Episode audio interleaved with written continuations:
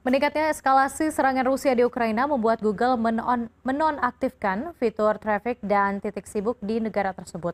Hal ini dilakukan untuk melindungi komunitas-komunitas lokal. Sementara itu, perusahaan-perusahaan yang ada di dihapus di Rusia dari kepesertaan Mobile World Congress tahun ini di Barcelona, Spanyol.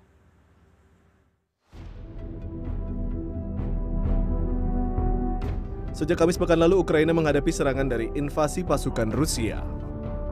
Rudal jatuh di kota-kota Ukraina membuat hampir 400 ribu warga sipil mengungsi ke negara-negara tetangga. Hal tersebut memicu respon dari perusahaan-perusahaan teknologi besar, salah satunya Google.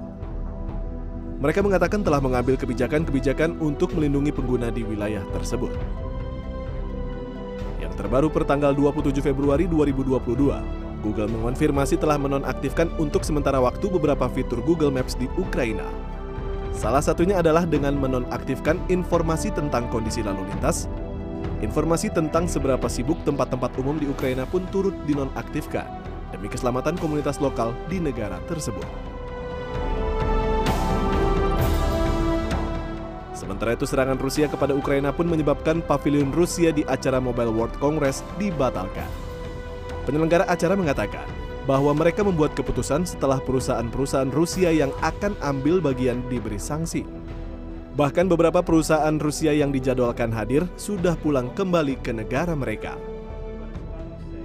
They're on the sanction list, and we follow all the sanctions uh, that uh, that have been stipulated right now. That situation is, of course, very fluid, and let me say that, you know, uh, the, show MWC is highly immaterial to what's going on in Ukraine, and, and our heart bleeds for the people of Ukraine, and, and it's an atrocity that we, of course, do not agree with.